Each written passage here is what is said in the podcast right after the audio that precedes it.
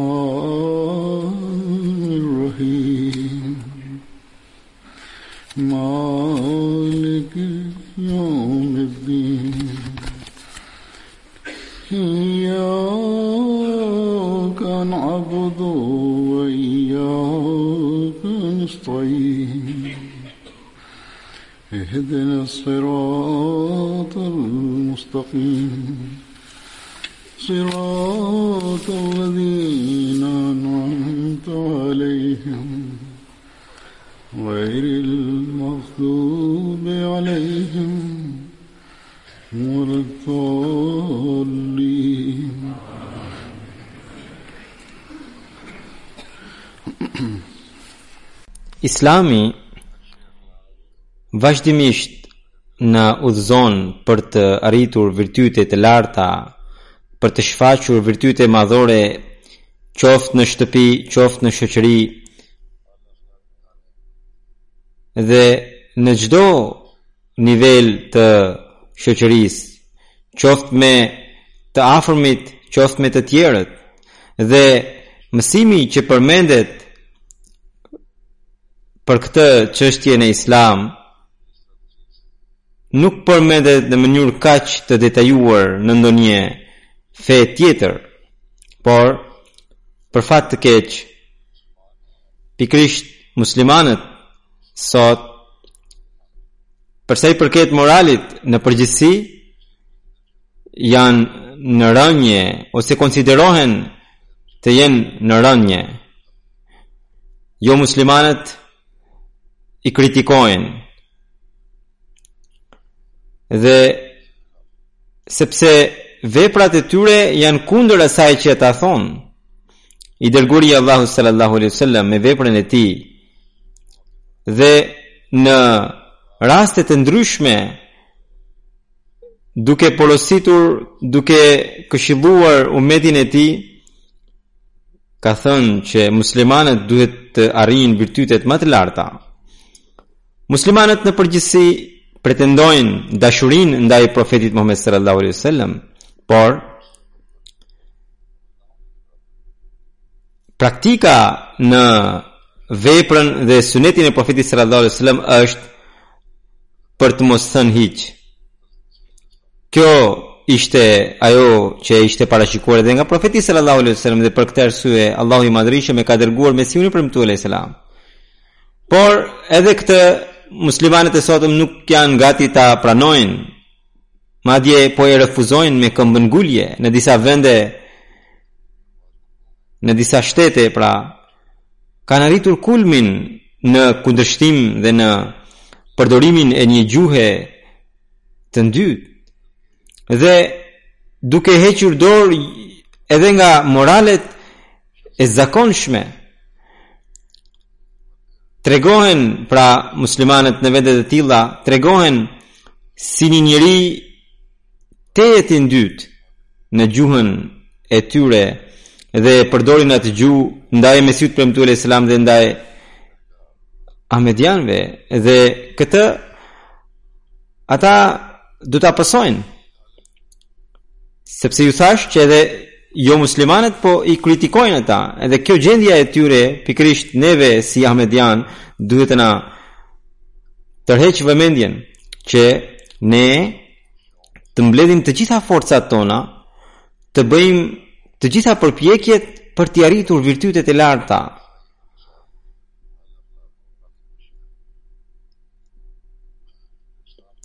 të cilat janë pjesë e mësimeve të islamit dhe që janë treguar vetë nga profeti Muhammed sallallahu alaihi wa alihi wasallam.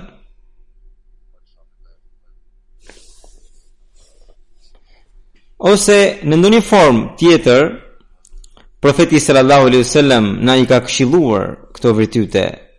Përndryshe Ne që jemi bërë ahmedianë, nuk do të ketë ndonjë dobi që e kemi quajtur veten ahmedianë. Nëse shikojmë veprën e profetit Muhammed sallallahu alaihi wasallam, shohim standarde të jashtëzakonshme, mund të shikojmë edhe jetën e tij të përditshme shtëpiake. Diku ai shikohet duke u treguar tejet i pakënaqur ndaj bashkëshortes e cila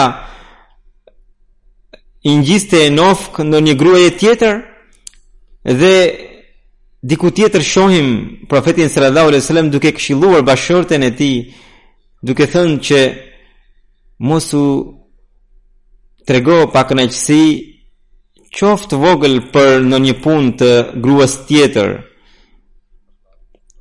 Diku tjetër, profetin sallallahu alaihi sallam e shohim duke këshilluar fëmijët se si ata duhet të ndërtojnë virtytet e tyre.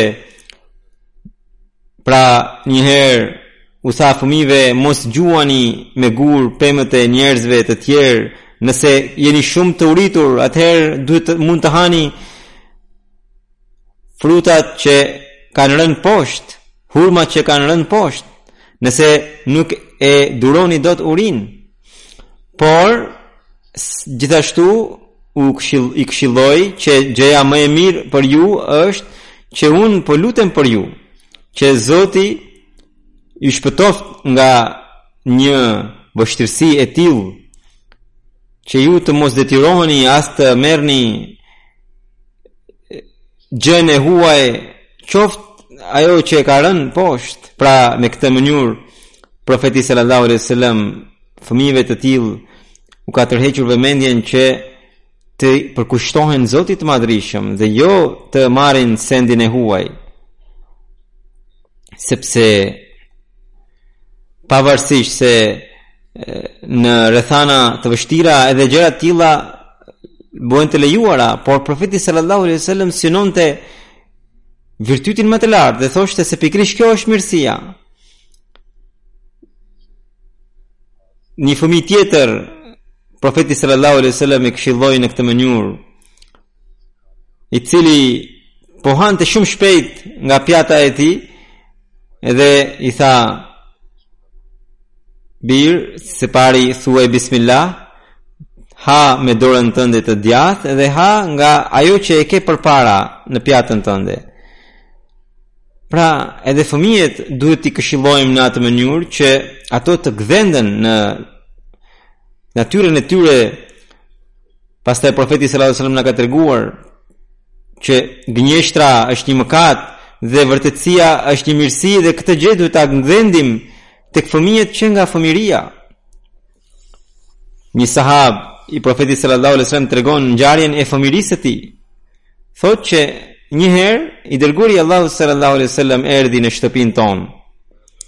Dhe unë ngaqë isha i vogël, thotë, Pas pak kohe, edhe pse profeti ishte në shtëpinë time, po dilja jashtë që për të lozur, nëna më thirri, u përpoq të më pengonte, që unë të mos privohesha nga kjo atmosferë e bekuar.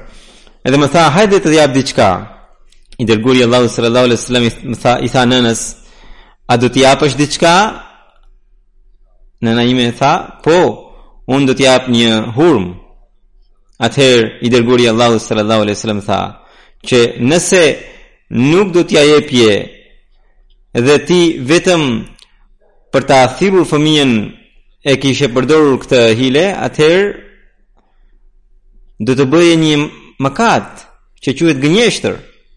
Pra, edhe një fëmijë kaq të vogël, profeti sallallahu alejhi wasallam i tregoi realitetin e vërtetësisë edhe si të ruhemi nga gënjeshtra, edhe këtë gjë ai e mbajti mend gjatë gjithë jetës, edhe tregon kur ishte i rritur. Një herë tjetër, i dërguari i Allahut sallallahu alaihi wasallam tha dikujt, nëse ti nuk heq dot dorë nga mëkatet e tjera, hiq dorë vetëm nga gënjeshtra. Tani ne shikojmë që a janë këto standardet e muslimanëve sot që të ruhen nga gënjeshtra në çdo aspekt dhe ta vendosin vërtetësinë. Jo vetëm muslimanët e tjerë, ne vetë duhet ta shikojmë vetveten, a i kemi këto standarde në jetën tonë të përditshme. Në një rrëfim tjetër thuhet që duke treguar për mëkatet e mëdha i dërguari Allahu sallallahu alaihi wasallam tha Që mëkati, mëkatet më të mëdha janë që të adhurosh dikë tjetër përveç Allahut, të mos i bindesh prindërve dhe rrëfimtari thotë se profeti sallallahu alaihi wasallam ishte ulur duke pas mbështetje pas shpine dhe më pas u çua dhe tha se mbani mend gënjeshtra dhe dëshmimi i gënjeshtërt Këto janë mëkate të mëdha dhe këtë e përsëriti kaq shumë saqë rrëfimtari thotë që ne sahabët dëshiruam që sikur profeti sallallahu alaihi wasallam të pushonte.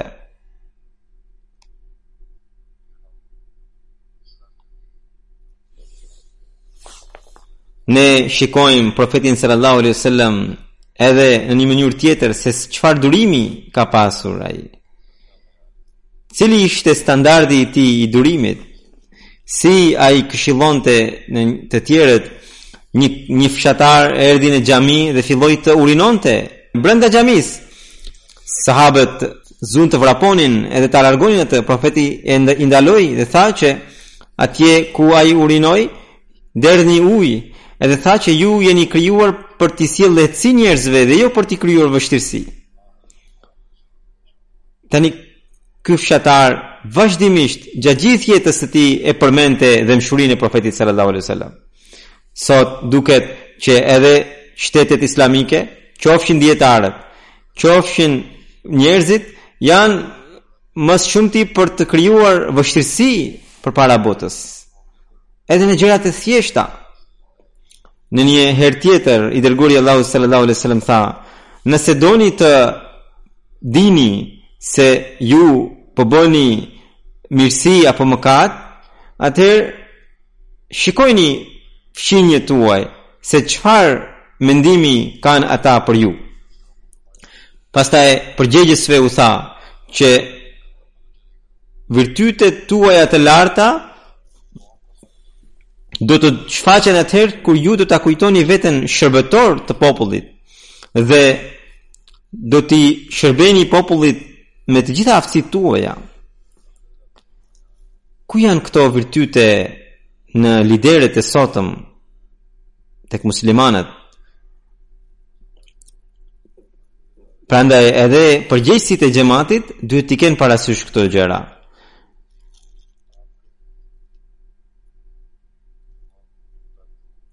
Pastaj kur profeti sallallahu alaihi wasallam gëzonte çdo pushtet, arriti fitoren. Cili ka qenë standardi i virtyteve? Në kohën kur u çlirua Mekka, profeti sallallahu alaihi wasallam paraqiti virtytet më të larta, saqë arriti t'i falte edhe armiqt, ata që vazhdimisht i sollën vështirësi profetit sallallahu alaihi wasallam. Edhe pikërisht kjo falje i bëri që shumë prej tyre e pranuan Islamin.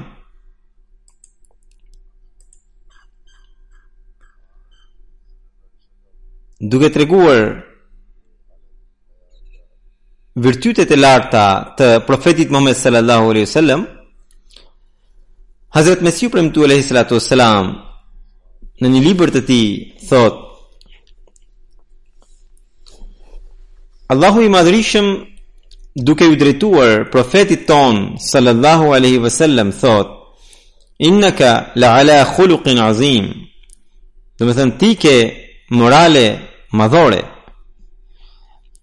Kuptimi i këtij ajeti është pikërisht sipas shpjegimit që kemi dhënë më përpara, që të gjitha moralet si bujaria, trimëria, drejtësia, mëshira, mirëbërësia, vërtetësia, vullneti e tjetjera,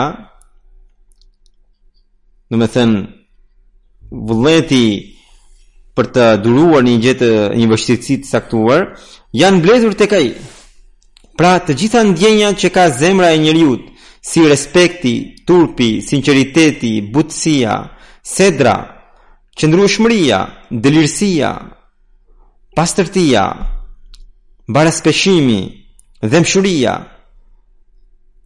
trimria, bujaria, falja, durimi, mirëbërësia, vërtetësia, besnikëria e të tjera, nëse shfaqen me udhëzimin e mendjes në kohën e në vendin e duhur, atëherë të gjitha ato do të quhen morale, por realisht ato janë gjendjet dhe emocionet instinktive të njeriut të cilat quhen morale vetëm kur realizohen me vullnetin e njeriut në kohën e në vendin e duhur.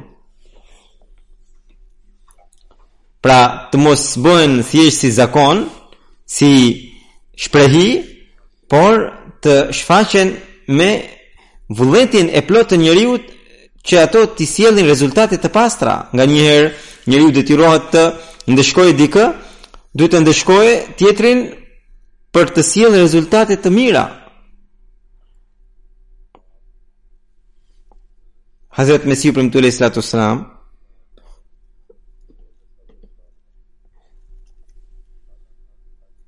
këshilloi anëtarët e xhamatit për të arritur virtytet e larta, thotë që virtytet njihen në dy rrethana. Edhe në rrethana e vështirësisë, pra kur njeriu heq vështirësi dhe kur njeriu gëzon mirësi.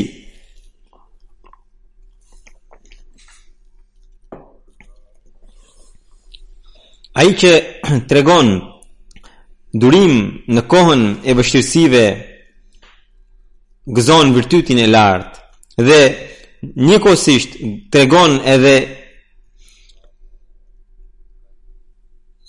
urtësi dhe përulësi dhe drejtësi në kohën e gëzimit gëzon virtytin. Këto të dyja e, rethana u shfaqen dhe erdhën tek profeti Muhammed sallallahu alaihi wasallam në mënyrën më të plotë, siç ju thashë edhe më përpara, Që si profeti sallallahu alaihi wasallam pati momentin e çlirimit të Mekës dhe arriti t'i falte edhe njerëzit që ishin armiq për vdekje. Hazret Mesihu i Premtuar alejhi salatu wasallam thotë që njeriu duhet të shfaqë virtyte në të dyja raste, edhe në të vështirësi, edhe në gëzim. Nëse ka vetëm një aspekt, atëherë nuk mund të cilësohen moralet tek ai. Ngaqë Zoti i Madhërishëm donte t'i përsoste virtytet e Profetit sallallahu alaihi wasallam. Një pjesë të jetës së tij e kaloi në Mekë e pjesën tjetër e kaloi në Medinë.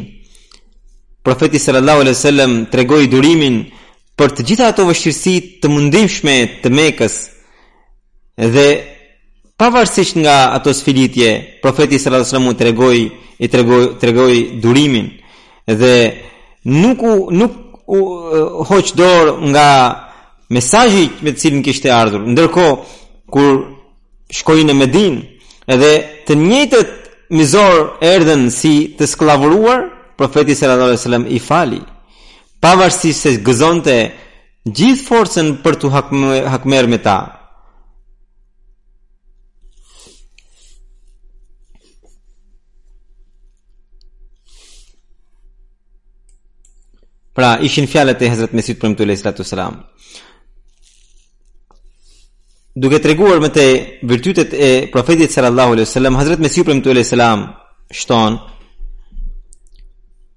Këto fjalë duhet t'i dëgjoni me vëmendje, shumë njerëz kam parë dhe i kam studiuar që disa kanë bujari, por janë edhe shumë zemerak, zemerohen shpejt dhe shumë shpejt u mbetet hatri.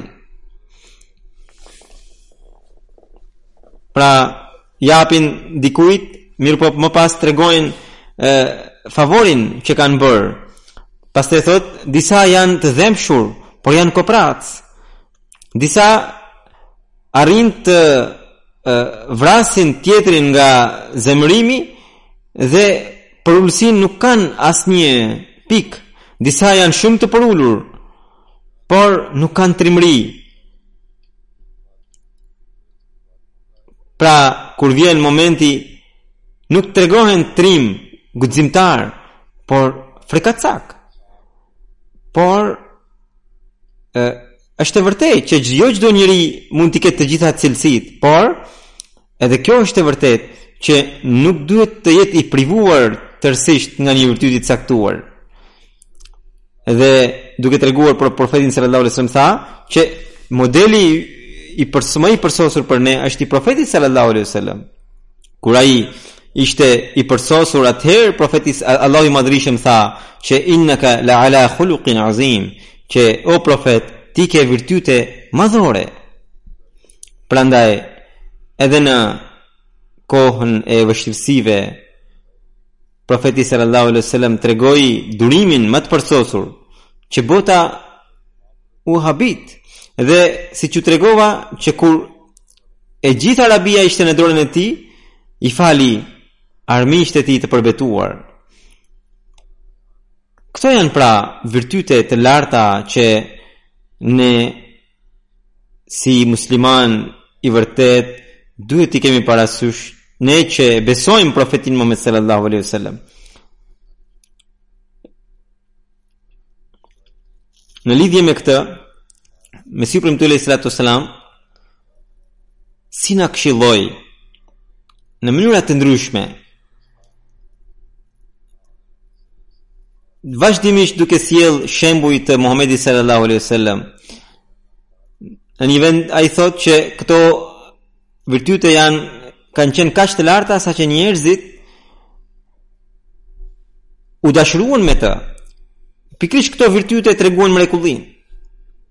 Dhe më pas Hazrat Mesihu i Premtuar alaihi salam thotë që nëse edhe ju do të ndiqni këtë praktikë të Muhamedit sallallahu alaihi wasallam edhe do të tregoni virtyte edhe ju mund të bëheni mrekullibërës ai thotë që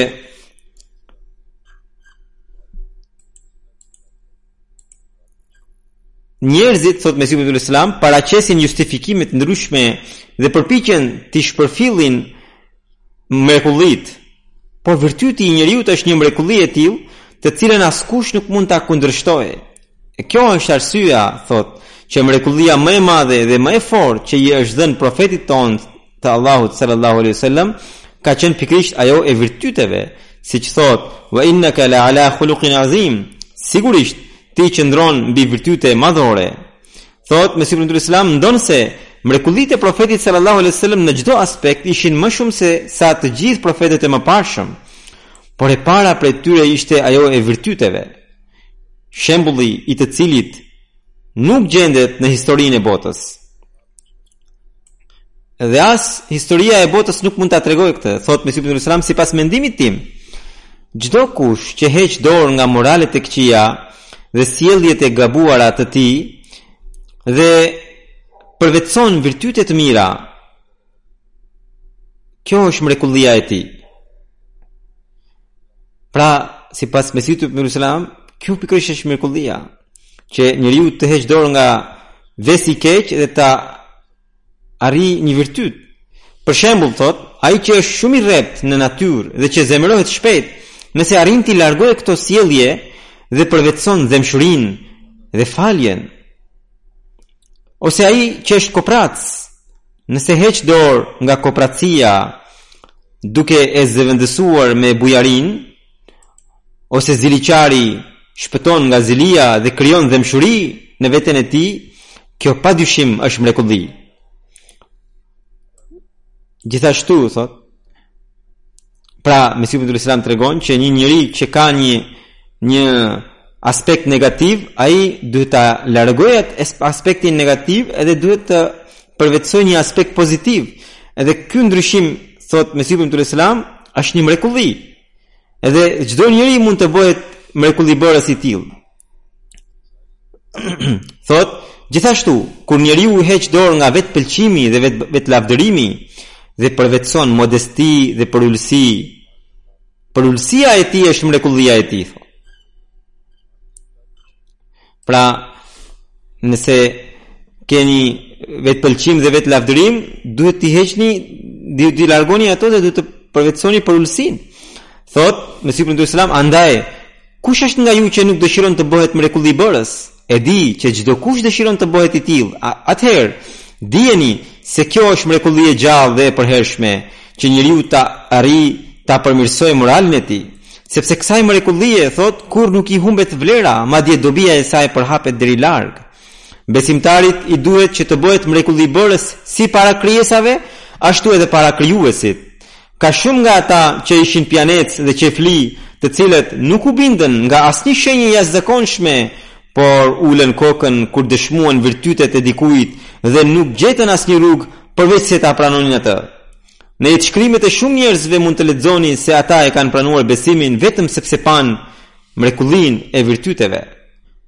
Në përgjithësi, edhe njerëzit materialistë në dukje tregojnë virtyte, por ato që ata i quajnë virtyte janë vetëm në përgjithësi shtirje, dukje dhe dëshirojnë ta provojnë veten se janë njerëz të mirë. Pra aty ku ata kanë edhe nuk nuk kanë interesa, përpiqen të provojnë se janë njerëz të mirë. Në zemër kanë ndonjë gjë tjetër ose kanë edhe ata të cilët përpara ndonjë oficeri, përpara ndonjë përgjegjësi të madh, tregohen që i bëjnë qejf atij ndërkohë kjo është mudahana edhe kjo vjen për shkak të uh, buratësakot pra për shkak të frikës Mesihu i Premtuar alejhi salatu ue selam tha që kjo nuk është mësimi i islamit këto nuk janë virtyte që jep që paraqet islami Virtyti është që njeriu ta tregojë nga zemra dhembshurinë. Kur e ka dhembshurinë në zemër, ajo shfaqet. Duke treguar këtë Mesihu i Premtuar alejhi selam tha, virtytet janë të dyllojshme. Së pari janë ato që paraqesin njerëzit e sotëm të ashtuquajtur me edukatë, të cilët Në dukje paraqiten si njerëz shumë dashamirës, por në zemër kanë hipokrizi dhe urrejtje. Kjo është kundër mësimeve të Kuranit. Dhe së dyti janë ato virtyte që edhe në zemër të kenë dhembshuri të vërtetë dhe të mos ketë asnjë lloj hipokrizie dhe të mos bëjnë punët me lajke siç e thot kurani i famëlart inna, inna allaha ja'muru bil adli wal ihsani wa ita i dhil kurba pra ky është mësimi i përsosur që njeriu duhet ta tregoj drejtësin dhe kur aty ku ka nevoj që të bëj edhe mirësi duhet ta kapërcej drejtësin dhe të bëj mirësin dhe më pas do të shikoj edhe disa raste ku ai duhet të tregohet jo thjesht një mirëbërës, por duhet të ndihmojë tjetrin sikur të jetë i afërmi i tij. Kjo është metoda më e mirë. Dhe njerëzit që nuk e praktikojnë këtë mësim, zgjedhin një rrugë tjetër. Mësimi i vërtet kërkon pastërtinë e zemrës dhe ata që nuk e kanë të pastër zemrën, nëse shikoni me vëmendje, edhe veprat e tyre nuk janë të pastra. Pra, ne kemi nevojë që ta ndjekim pëlqimin e Allahut. Mesihu i Premtuar alejhi selam thotë që Nuk ka garanci jeta, andaj falni namazin, përparoni në sinqeritet dhe vërtetësi. Ngreni standardin tuaj të vërtetësisë në çdo fjalë tuaja, në çdo vepër tuaja ndiqeni vërtetësinë. Disa njerëz pyesin, cila është mirësia? Çfarë janë mirësitë? Disa mendojnë që vetëm namazet ë nga jashtë, pra janë mirësi, ose t'i bësh dikujt ndonjë të mirë edhe kaq, kjo është mirësi. Duke e shpjeguar këtë temë, në mënyrë shumë të bukur, Hazret Mesihu i Premtuar alejhi salatu ves selam, thot që virtytet janë çelësi i mirësive të tjera. Ata që nuk e përmirësojnë virtytin, me kalimin e kohës ata mbeten pa ndonjë mirësi. Pra nuk bëjnë dot ndonjë mirësi me kalimin e kohës. Mesihu i Premtuar thotë se besimi im është që në botë çdo gjë është e dobishme, madje edhe ndyrësitë, edhe helmi është i dobishëm, por njeriu që që nuk kultivon virtyte të mira edhe nuk bëhet i dobishëm. Pra Mesihu i Premtuar alejhi selam thotë se edhe helmi është i dobishëm, por njeriu që nuk përvetëson virtyte, ai bëhet i padobishëm. Pra dobia e njeriut është vetëm atëherë kur ka virtyte. Sepse njeriu pa virtyte bëhet më keq sesa ngordhësirë, pra nga kafsha e ngordhur. Edhe pikrisht sepse sepse ngordhësirës i hyn në punë edhe ë lëkura, kockat, edhe pikrisht është kjo pozitë, kjo derexhe, për të cilën Kurani famëlartë thotë, in bal, balhum adhëll, që njeriu është më i devijuar sesa kafshët, njeriu i kësaj gjendje. Prandaj Mesihu i Premtuar alejhi selam thotë që virtytet janë çelësi i, mir i mirësive të tjera. Edhe në punët tona të përditshme, si shfaqim virtyte, Mesihu i Premtuar alejhi selam thotë që disa njerëz kanë shprehi që nuk i pëlqejnë lypësit. Kur vjen një lypës, zemrohen, nevrikosen. Dhe nëse kanë ndonjë nerv të të mullas, pra të ashtuquajturit dijetar, fillojnë ta shpjegojnë atë që nuk duhet të lypësh ë në vend që t'i japësh diçka në vend që t'i japin diçka, fillojnë t'i bëjnë moral. Dhe mbajnë vaze të gjata, mirëpo atij nuk i japin ndonjë gjë. Për fat të keq, ata njerëzit e tillë nuk kanë mend, sepse ë nëse lypsi pavarësisht nga shëndeti Ju lyp, duhet të dini që po bën gjynah ai. Dhe jo ju, nëse ai ju kërkon diçka, atëherë duhet nëse keni diçka, jepjani. Por ama mos e qortoni. Madje hadithi i profetit Muhammed sallallahu alaihi wasallam tha, "Law ataka rakiban", që edhe lypsi sikur të vijë me një mjet transporti, Prap duhet t'i japësh diçka atij. Ndërkohë, ndërsa në Kur'anin famëlartë thotë, "Wa amma sa'ila fala tanhar", mos e qorto lypsin. Pra, në këtë ajet, Allahu i Madhërishëm thotë Mesihu i Premtuar alejhi selam, Allahu i Madhërishëm nuk ka bërë asnjë sqarim që mos e qorto filan lypës ose filan lypës, por në përgjithësi tha, lypsin mos e qorto. Pra, kjo është virtyti që ne nuk duhet të zemërohemi shpejt ndaj lypsit, sepse është synimi i djallit që ne të zemërohemi ndaj tij dhe të privohemi nga mirësia që mund ta bëjmë më pas. Thotë, mbajni mend, një mirësi sjell mirësinë tjetër, në të njëjtën mënyrë, një ligësi sjell ligësinë tjetër. Dhe ashtu si gjërat kanë një forcë tërheqëse, në të njëjtën mënyrë Zoti i Madhërishëm ka lënë këtë tërheqje në çdo vepër që bën njeriu. Andaj, kur ju thotë do të silleni me zemërbutësi ndaj lypësit, Atëherë juve do t'ju lirohet zemra, do të ndjeni një ngazëllim në zemër, edhe ky ngazëllim ju sjell mundësi për të bërë një mirësi tjetër.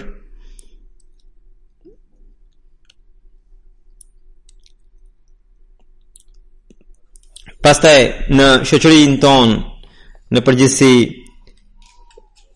ngrihet pyetja edhe për mirësinë ndaj Prindërve, sidomos atëherë kur ata nuk janë ahmedianë, madje janë kundërshtarë të xhematit, si duhet të sillemi me ta? Mesihu i Premtuar alejhi salatu selam, duke këshilluar një njeri të tillë, pra Shejh Abdurrahman Sahibin, i cili nuk ka qenë musliman, pastaj e pranoi Islamin dhe e pranoi edhe xhematin, e këshillon, thotë që prindërit për prindërit duhet të bësh shumë dua, Shumë lutje dhe sa të kesh mundësi duhet t'u shërbesh atyre dhe duhet të tregosh virtytin tënd që ata ta kuptojnë që ti je ndryshe e, nga ajo që ke qenë më përpara dhe do ta kuptojnë që Islami ka një virtyt të lartë. Mesihu i Premtuar alejhi selam thotë që mrekullia e virtytit është shumë e qëndrueshme. Ndoshta nga kjo edhe prindërit tuaj të kenë ndikimin e islamit. Nëse prindërit ju japin një porosi që nuk ju kun, nuk ju kundërshton fenë, atëherë ju duhet t'i bindeni me gjithë zemër dhe shpirt. Në një vend tjetër Mesihu i Premtuar alejhi selam tha, që janë pikërisht virtytet që e bëjnë njeriun të dallohet nga kafshët. Duke treguar këtë, ai thotë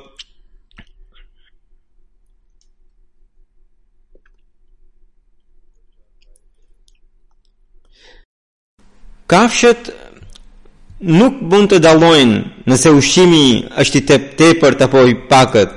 Çdo gjë që u vjen përpara e përpijnë. Dhe Mesihu i Premtuar alejhi selam dha shembullin e qenit që ai nuk di se sa duhet të hajë. Ndodh shpesh që ha pa pushim edhe më në fund vjell. Dhe E tillë është gjendja e disa njerëzve që e kanë kaq shumë lakmi, saqë qoftë ushqimin, qoftë pasurinë, përpiqen ta arrijnë në çfarëdo lloj mënyre, qoftë të lejuar, qoftë të ndaluar. Kjo është sjellja e kafshëve, sepse dhe kafshët nuk dinë nëse ushqimi që e kanë përpara u ka ardhur nga një rrugë e drejtë apo nga rrugë e padrejtë.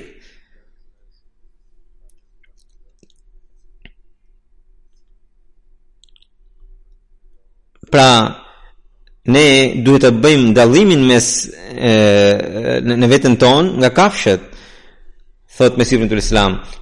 Së dyti thotë, e, kafshët nuk bëjnë dallimin në halal dhe haram dhe jep shembullin e kaut që Asnjëherë nuk mund të bëjë dallimin që kjo kullotë i përket tjetrit, për shembull, nëse kullota e pronarit të tij nuk ka ndonjë rrethim, kau ka shumë mundësi që pa e ndjerë të kalojë në kullotën e tjetrit edhe të kullotet aty. Ndërkohë, ajo ishte e ndaluar për të.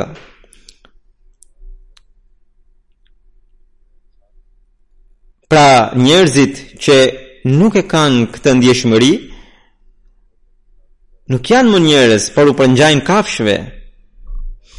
Dhe më tutje Hazrat Mesihu i Premtuar alejhi salatu ue selam thotë që njerëzit e tillë nuk ngurrojnë të hajnë të gllabërojnë edhe pasurinë e jetimëve ashtu siç ë përpara lopës nëse jep një bar që nuk është nga kullota juaj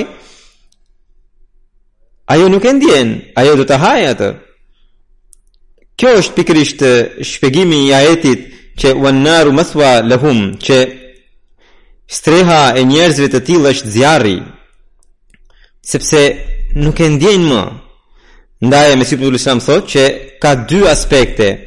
Njëra është që ta keni madhështinë e Zotit në zemrën tuaj, edhe çdo gjë që del kundër kësaj është kundër virtyteve dhe gjithashtu së dyti të keni dhembshuri ndaj njerëzve ndaj krijesave të Zotit dhe çdo gjë që del kundër kësaj është gjithashtu kundër virtyteve kështu që Ne nëse nuk i përmbushim det, obligimet ndaj Zotit, nuk nuk i përmbushim virtytet.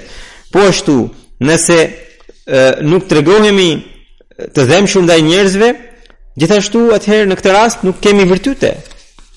Mesihu i Premtuar alejhi salatu uesselam më tutje thotë se a për fat të keq shumë pak ka njerëz që i kuptojnë këto gjëra që që janë qëllimi i jetës. Një tjetër ves që e pengon njeriun nga mirësitë është mburrja dhe krenaria, madje ajo sjell zemërimin e Zotit të Madhërishëm, Mesihu i Premtuar alejhi salatu uesselam thotë që sufistët thonë se Tek njeriu ka shumë xhind të veseve, pra brenda njeriut, njeriu ka plot xhinde që shkaktojnë vese dhe kur ato fillojnë të dalin, nuk pushojnë. Dhe xhindi i fundit është xhindi i krenarisë dhe i mburrjes, i cili nuk mund të dalë derisa njeriu nuk bën Lutje shumë të gjata dhe të sinqerta duke qarë përpara pragut të Allahut. Ka shumë njerëz që e quajnë veten të përulur, por prapëseprapë atyre u mbetet ndonjë fije e mburrjes dhe e krenarisë. Disa njerëz kanë mburrje për shkak të e, pasurisë dhe mendojnë për tjetrin që ky nga ka ardhur që nuk ka asnjë kokërr leku disa njerëz kanë mburrje për shkak të vetvetes për shkak të fisit disa njerëz kanë mburrje për shkak të dijes kur një njeri flet gabim përpara tyre ata bërtasin që ky Është injorant, ky nuk di të thotë asnjë fjalë, ky është naiv e të tjera, pra ka një lloj lloj krenarish dhe të gjitha këto e, e ndalojnë njeriun të bëjë mirësi dhe të bëhet i dobishëm për të tjerët. Ne duhet të ruhemi nga të gjitha këto llojet e krenarive.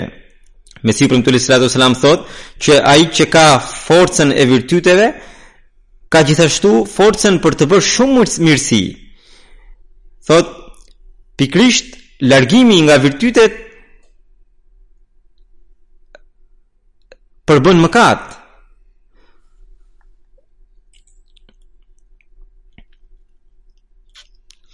Pra, Hazret Mesihu i Premtuar alejhi salatu uesselam thotë që kur njeriu kur njeriu t'i jepet mundësia për të bërë mirësi, kjo vjen kur ai heq dorë nga veset, largohet nga veset dhe kultivon virtyte në vend të tyre. Thotë Mesihu i Premtuar alejhi salatu ueselam, një njeri për shembull që bën zina, pra bën kurvëri, Ai nuk e çan kokën se sa shumë do t'i dhimbset bashkëshortit të asaj gruaje nëse ajo grua është e martuar. Pra, po të jetë i virtytshëm, ai do ta ndjejë dhimbjen e tjetrit, edhe nuk do ta bëjë këtë mëkat. Edhe do të ruhet nga ajo. Kështu që Kur njeriu do të jetë i virtytshëm vetvetiu do ta ndjejë se sa shumë pasojash, pasoja ka ky ky ves. Një njeri tjetër që vjedh arrin që e përlan gjithë gjithçka që ka një njeri i varfër në shtëpinë e tij pa i lënë as bukën e gojës, bukën e vaktit. Se i ngurtësohet zemra, Edhe Mesihu i Premtuar alejhi salatu ueselam thotë që nëse edhe ai do ta ndjente dhimbjen e tjetrit, nuk do të vidhte. Përditë, dëgjojmë në lajme pra Mesihu i Premtuar alejhi selam thotë që filan fëmijë u vra për shkak të lakmisë ndaj pasurisë, një filan e, grua u vra për shkak të një problemi tjetër shoqëror, Dhe gjitha këto nuk do të ndodhnin nëse njerëzit do të kishin virtyte. Pra, kur njeriu nuk ka virtyte, nuk ka frikë ndaj Zotit, nuk ka dhembshuri ndaj njerëzve, ndodhin këto ngjarje rëndom. Mesihu i Premtuar alejhi selam duke këshilluar xhamatin e tij thotë që ai njeri që tregon ndryshimin e virtyteve fqinjit i tregon mrekulli. Dhe kjo pikërisht i bën ndikim tek fqinji i tij. Njerëzit akuzojnë xhamatin tonë që ky xhamat nuk do të përparojë ose njerëzit e këtij xhamati trillojnë që njerëzit e këtij xhamati janë të pavirtytshëm dhe gënjejnë e të tjera.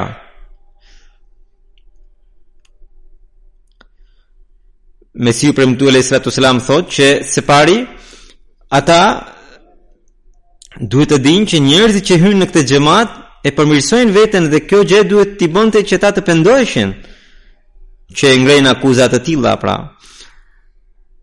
një fëmijë i pastër sjell nam të mirë babait të vet.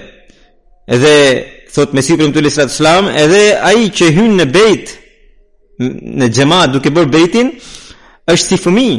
Edhe nuk duhet që asnjëherë akuzat e kundërshtarëve të dalin të vërteta. Ashtu siç babai biologjik bëhet shkaktar për të sjellë fëmijën në tokë në të njëjtën mënyrë, thotë Mesihu i Premtuar alejhi selam, babai shpirtëror bëhet shkaktar për ta çuar atë deri në qiell. Thotë a, a ju pëlqen që dja fëmija juaj t'ju njollosë e, emrin duke shkuar te kurvat duke luajtur bixhoz ose duke bërë punë të fëlliqta Unë e di që asnjëri nuk do një gjë të tillë. Por kur një fëmijë prapë bën një gjë të tillë, atëherë nuk mund t'i mbyllim gojën e botës. Dhe bota do t'i referohet babait të tij, duke thënë se ky është i biri i filanit që ka bërë këtë punë të fëlliqtë. Në të njëjtën mënyrë, kur një njeri hyn në xhemat dhe nuk e merr parasysh madhështinë dhe nderin e xhematit dhe vepron kundër, atëherë ai hyn në zemërimin e Allahut dhe në këtë mënyrë ai jo vetëm shkakton shkatërrim vetvetes, por i privon edhe të tjerët që të gjejnë rrugën e udhëzimit, sepse kur ata do ta shikojnë shembullin e tij, ata nuk do t'i afrohen xhematit. Andaj, edhe ata do të privohen nga bekimet që ka xhemati. Andaj, Mesihu i Premtuar alejhi salatu selam, thotë, sa të keni fuqi, kërkojini ndihmë Allahut, përmes lutjeve, edhe përpiquni që t'i largoni dobësitë tuaja, aty ku do të jeni të pafuqishëm, ngrini duart me sinceritetin e plotë dhe me të qarë dhe me përulësi dhe me përgjërime, Sepse sinqerisht ju them që duart e tilla nuk kthehen duarbosh. Unë ju them nga përvoja që mijëra e mijëra lutje më janë pranuar. Dhe thotë, është plotësisht e vërtetë që ai që nuk ka dhembshuri për Njeriu tjetër është koprac. Unë nëse shikoj një rrugë që ka vetëm mirësi, atëherë është detyra ime që unë t'u trumbetoj gjithë njerëzve që të vijnë edhe të përfitojnë nga kjo rrugë. Pa mm, u shqetësuar që nëse të tjerët e pranojnë apo nuk e pranojnë. Gjithashtu Mesihu alejhi selam thotë derisa njeriu nuk përpiqet tej mase dhe nuk e, lutet jashtëzakonisht shumë, fara e mëkatit nuk largohet nga zemra. Pra, Allahu i Madhrishëm thotë inna Allaha la yughayyiru ma biqaumin hatta yughayyiru ma bi anfusihim. Domethënë Zoti i Madhrishëm nuk i largon fatkeqësinë, belan ndaj ndonjë populli derisa ai popull nuk e përmirëson vetveten.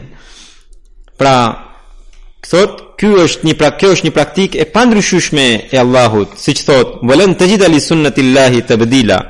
Prandaj, qoftë xhemati ynë, qoftë dikush tjetër, mund të ndryshojë moralin e vet vetëm atëherë kur të përpiqet dhe të bëjë dua pa masë. Allahu na mundësoftë që ne ta ndjekim modelin e profetit Muhammed sallallahu alaihi wasallam dhe virtytin tonë ta shfaqim në çdo rrethanë, në çdo situatë siç duhet.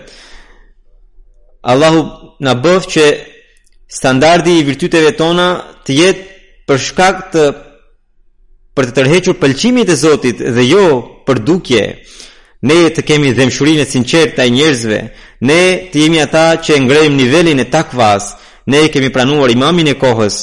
Atëherë, edhe mendimi ynë gjithnjë duhet të jetë që asnjë vepër jona të mos jetë kundër Islamit, kundër profetit Muhammed sallallahu alaihi wasallam dhe kundër Mesihut të premtuar sallallahu alaihi wasallam dhe të mos i sjellë no, njollë këtyre burimeve të pastra. Madje ne ta gjithnjë ta përhapim mësimin e vërtetë të Islamit dhe të bëjmë ndikimin tek bota nga kjo rrugë. Dhe më së shumti ne të jo vetëm që të përpiqemi vazhdimisht për këtë, por gjithnjë t'i lutemi Allahut të Madhrishëm që ai të na ndihmojë në këtë drejtim.